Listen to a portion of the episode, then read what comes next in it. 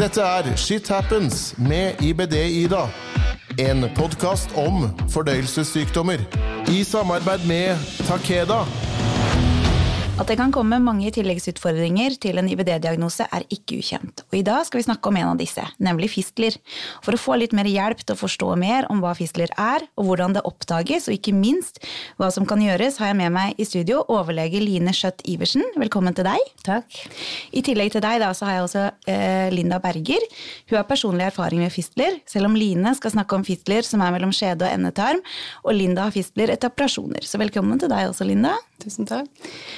Aller først, la oss starte med deg, Line. Kan ikke du fortelle litt om hvem du er, og hvorfor du er så engasjert i bl.a. dette med fistler? Ja, da er jeg Line Skjøtt Iversen. Jeg er en godt voksen dame på 59 år og har, er overlege ved Diakonhjemmet sykehus. Og jeg er spesialist i mage-tarm-kirurgi. Jeg har vært så heldig og hadde en mentor, en læremester, som heter Ylva Salin, som har gått av med pensjon. Og hun eh, lærte meg veldig mye, og så har jeg overtatt litt etter henne. Jeg tror mange av oss vet hvem eh, Ylva Saline er, i hvert fall vi som har hatt eh, IBD over mange år. Hva er en fistler, og hvordan oppstår det? Kan vi ikke starte der? En fistel er en forbindelse mellom to hulorgan, eller to rom. Så det er bare en kanal. Så en fistel som vi skal vel snakke litt om i dag, det er fistel i endetarmen. Og da snakker vi om en fistel som går fra endetarmen og ut til huden. Som heter vel på fint perianal fistel, eller endetarmsfistel. Og så er det den andre, som er en fistel, en forbindelse mellom tarmen og skjeden. Og det heter anovaginal fistel. Hvor vanlig er dette her, da? Eh, hos kron- og ulcerøs kolittpasienter så er sånn, tallene sier sånn cirka at eh, er det ca. 12% som får det etter ett år, og 28% etter 20 år. Ja. Så det er ikke helt uvanlig. Nei, det vil jeg jo ikke si. Det er faktisk ganske mange som opplever det, men dessverre altfor få som snakker om det, kanskje. Det er jo mest sannsynligvis ganske tøft å leve med. Dette med fistel er kanskje ikke det enkleste å behandle heller. Eh, Hva består behandlingen av, og hva betyr det for pasienten? Nei, altså, en fistel hos Crohn og ulcerøs kolittpasienter er jo en betennelse i tarmslimhinnen. Og den betennelsen, av og til så lager man en verkebyll. Ja. Og det heter absess. Og den verkebyllen er, må tømmes, sånn som alle verkebyller i kroppen. Og da finner den veier ut. Og da tømmer den seg enten til skjeden eller en tarm eller ut til huden. Eh, Og da får man da en, en kanal, da. Så det viktigste for oss som er kirurger, det er å få tømt og denne verk, behandlet den verkebyllen og få renset opp. Når det er gjort, så kommer legen som har ansvar for IBD-pasienter, det er som heter gastroenterolog. De er indremedisinere, de er ikke kirurger, men de har ansvaret for behandlingen. Og da er hovedbehandling for fistler er medikamentell behandling. Det er det som er poenget med behandlingen. Er dette langvarige ting, eller er det liksom Hva kan en pasient liksom forvente seg fra du oppdager dette her til, til man er ferdig? Det er jo en kronisk sykdom.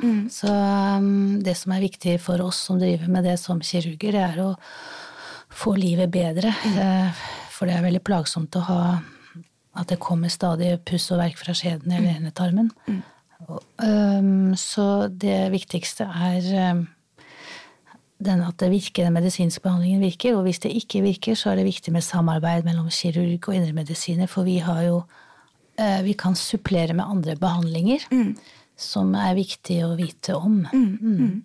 Så hva hvis, hvis ikke på en måte denne medisinske behandlingen virker, da? Hva gjør man da? Først så er det viktig at eh, pasienten vet at det går an å snakke med en kirurg om det, for jeg, ikke alltid man vil snakke om, med legen om det. Um, og at det vet at det er en sammenheng med kronsykdom. Um, og da er jo den kanskje den behandlingen som vi har litt uh, forhåpninger til, det er jo fettinjeksjon, eller stamcelletransplantasjon. Så vi tar ut fett fra buk, eh, eller underhudsfett fra mageskinnet.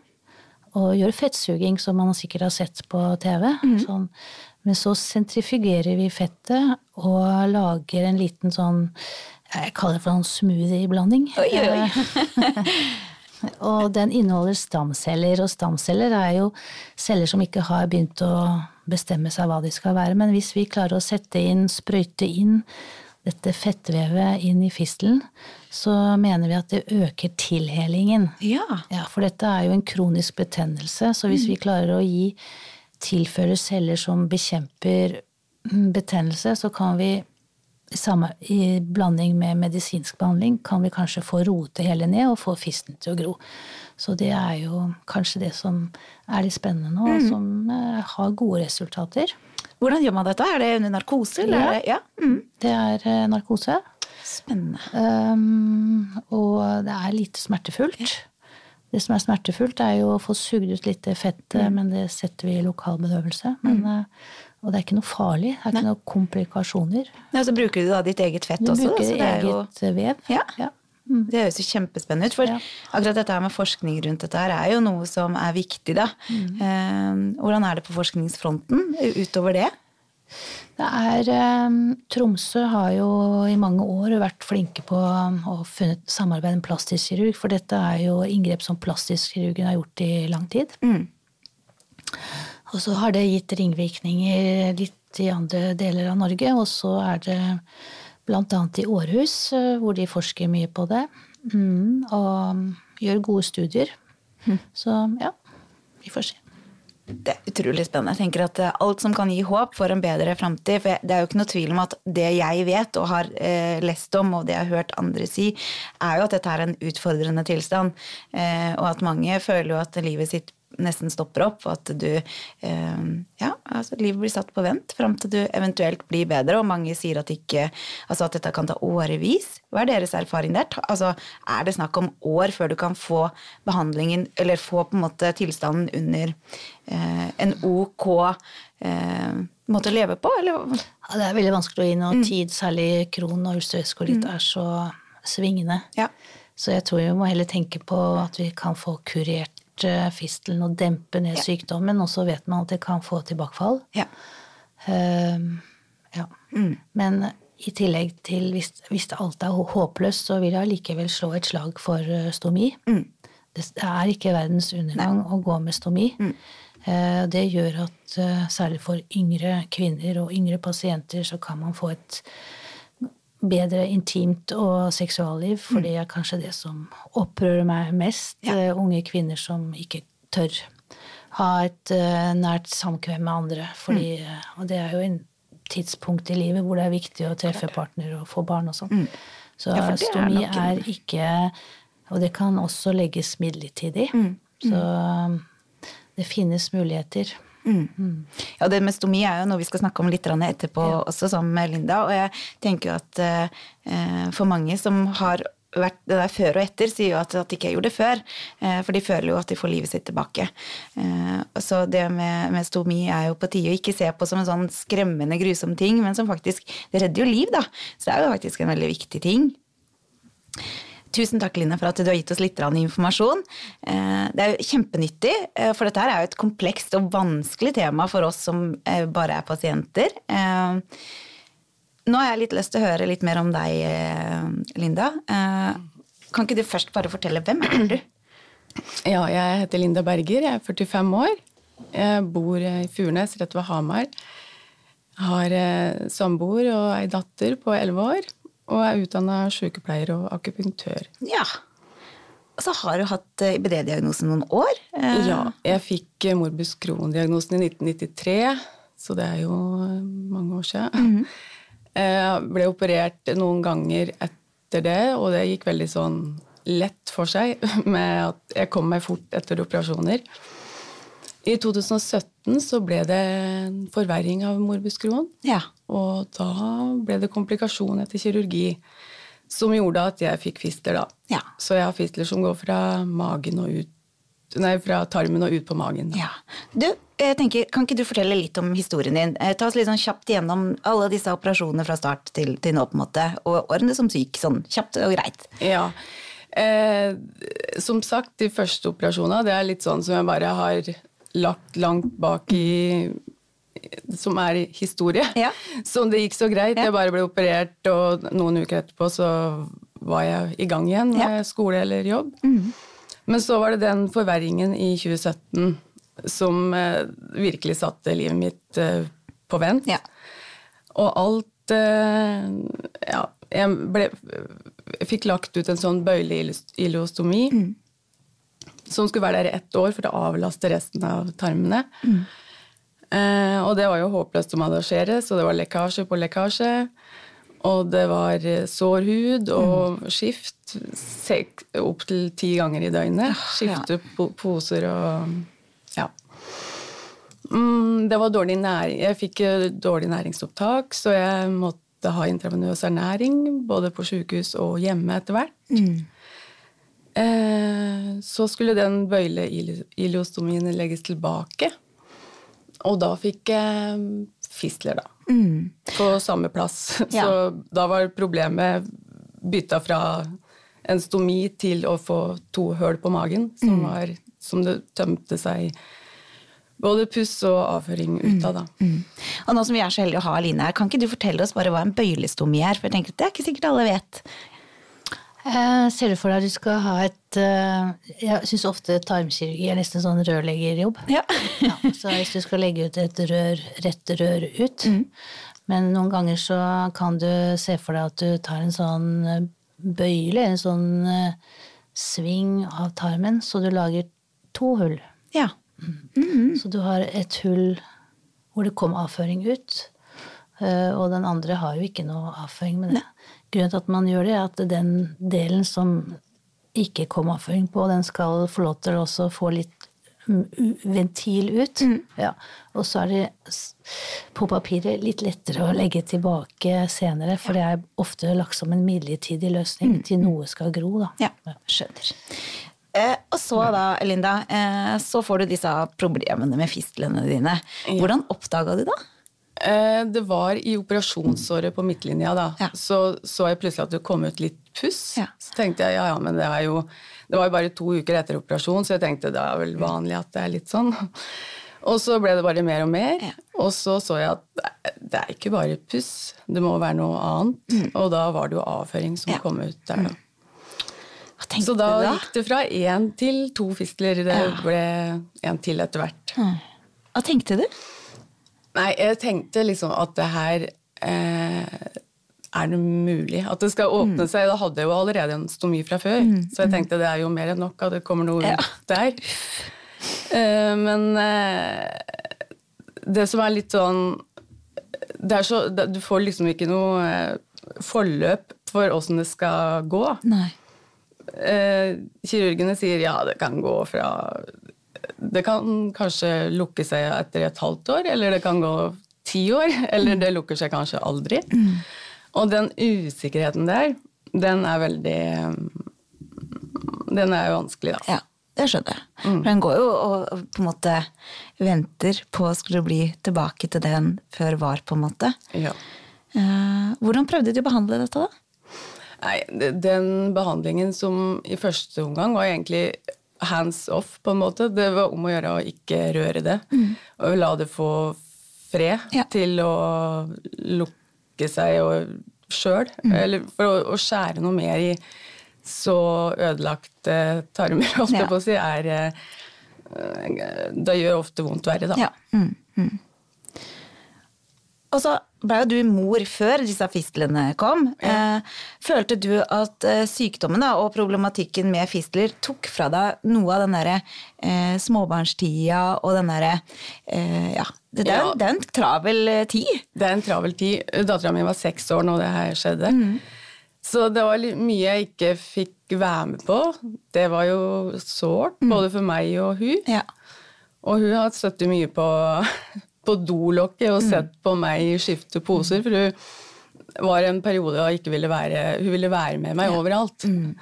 Så da tenkte jeg ja, da får du heller bare sitte og se Ja. på skift. Så det er ingenting hun ikke har sett.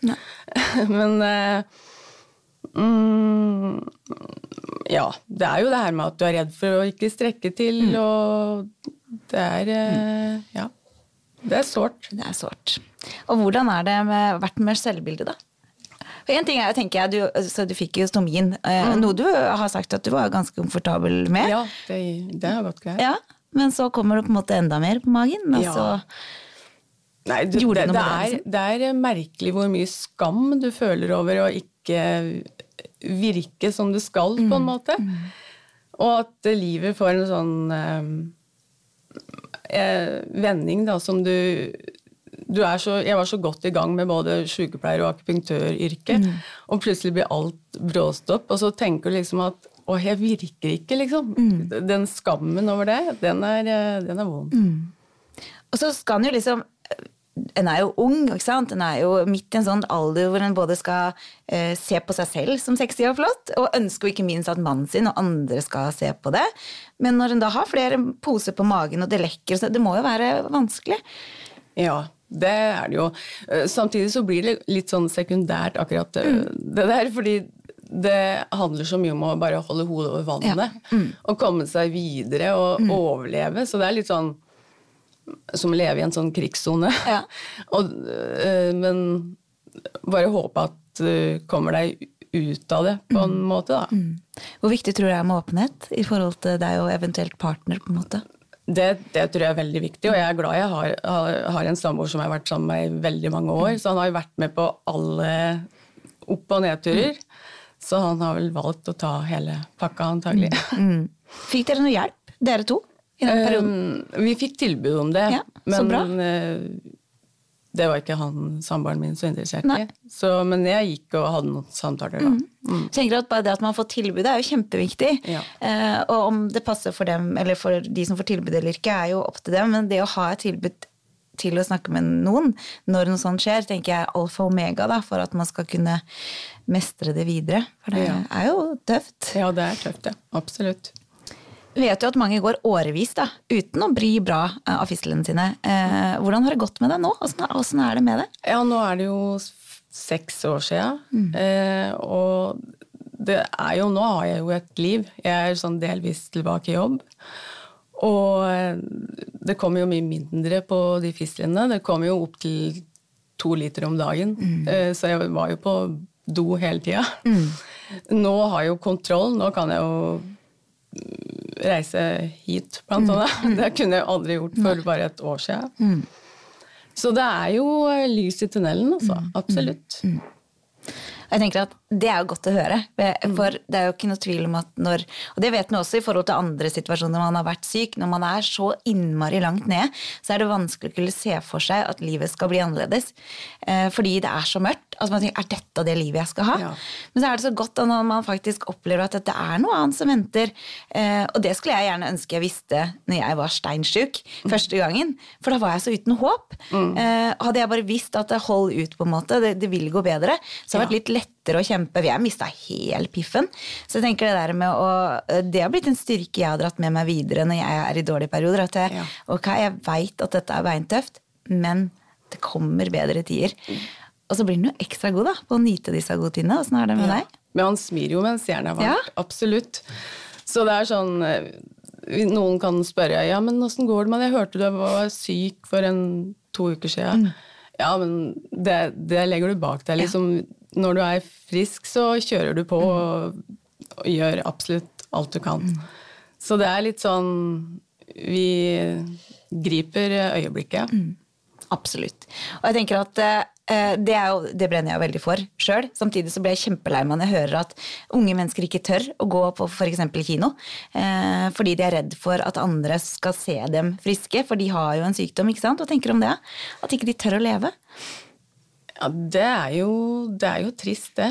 Absolutt. Um, og det er jo sånn, når du står i det som verst, så er det jo alltid sånn at du Man kan trøste seg med at du går i hvert fall over i noe annet.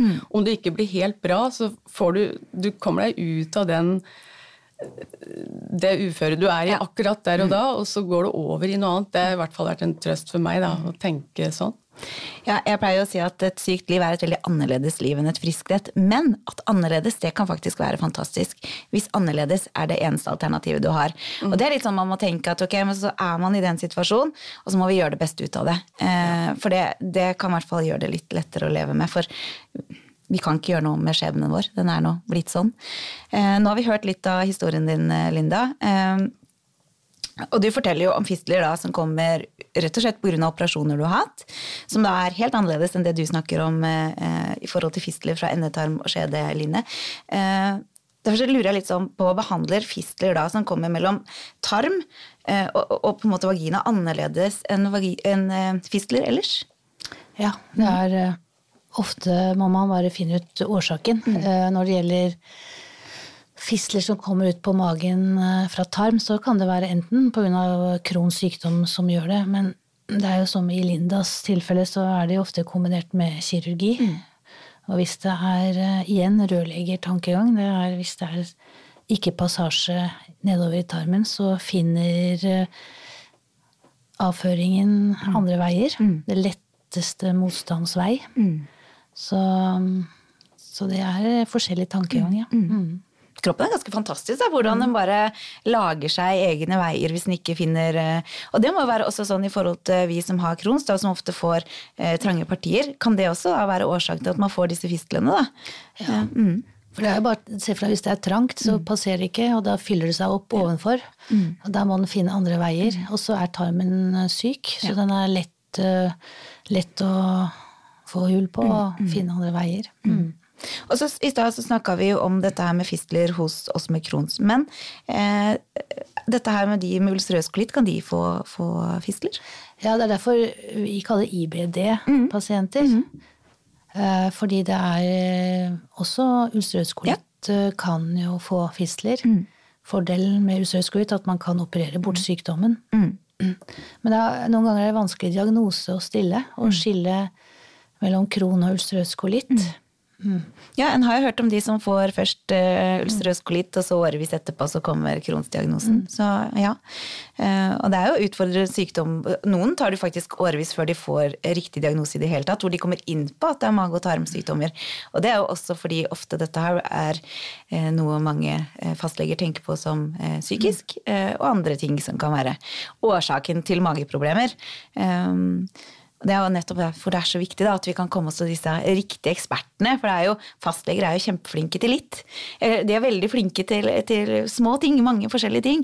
Mens disse spesialistene de kan jo veldig mye om snevre ting. Um, det er med behandlingstida, da. Det er jo det vi har vært innom på, at det er langvarig og det er utfordrende. Hvordan forskes det på dette feltet? Er det stor forskning? Er det mye penger i denne potten? Uh, det er vanskelig å si. Mm. Eh, det vet jeg litt lite om. Eh, det er jo universitetssykehusene som har jo også forskningsansvar. Mm. Eh, så vi er et lite miljø i Norge, og vi må jo dra litt ut mm. og se Så derfor er det viktig å dra på kongresser mm. og følge med. Mm. Har du tro på at det kan bli enda bedre i framtida? Ja, jeg tror vi må tenke litt annerledes på at det er en kronisk sykdom som gjør at det skyter litt over mål med det som heter inflammasjon. Mm. Altså hvis vi kan eh, gi medisiner, og det har vi kommet langt med, mm. å dempe. Eh, og sammen med tankegangen på det med fett, og mm. det har samme prinsippet. At du demper eh, og øker, så jobber litt med grunnårsaken til sykdommen. Mm. Mm. Det tror jeg kanskje er fremtiden. Ja. Mm. Altså, nå nærmer vi oss slutten, men jeg spør alltid gjestene mine om de har tips som de har lyst til å dele. Eh, eh, Line, starter med deg. Har du et tips til disse som eventuelt har det sjøl, eller har noen spørsmål om det, eller tenker på dette? Jeg, jeg syns det er viktig at man tar kontakt uh, via legen, om det er gastroenterologen, indremedisiner, og forteller om underlivsplagene, ja. om det er fra skjeden eller endetarmen. Mm. For det er ikke alltid gastroenterologenes fagfelt. Mm. Men hvis man tar det opp, så blir man henvist til en kirurg som kan hjelpe. Mm. Det er kanskje mitt uh, at jeg ta det opp. Ja, Og det er kjempeviktig. Mm. Ikke gå og bære på det, bare på det sjøl. Du, Linda? Nei, det er jo egentlig bare det å uh, holde ut og vite at uh, det går over i noe annet, i mm. hvert fall, som jeg sa i stad. Mm. Sjøl om det ikke nødvendigvis blir tipp topp så er det Det er eh, mulig at eh, det endrer seg. Mm, mm. Håp, rett og slett. Ja. Mm. At dette er et tema det er viktig å prate om, er det jo ingen tvil om. Derfor så setter jeg kjempepris på at du Line, kom hit i dag og hjalp oss med å både forstå hva fistler er, hvordan det dukker opp og hvordan det behandles, og ikke minst hvordan framtida kanskje kan bli. Tusen takk for at du kom. Takk. Linda, tusen takk for at du forteller historien til oss. Eh, du er modig, det skal du vite. Eh, og dette her eh, kan være til stor hjelp for andre også. Tusen takk for at du kom også. Bare hyggelig.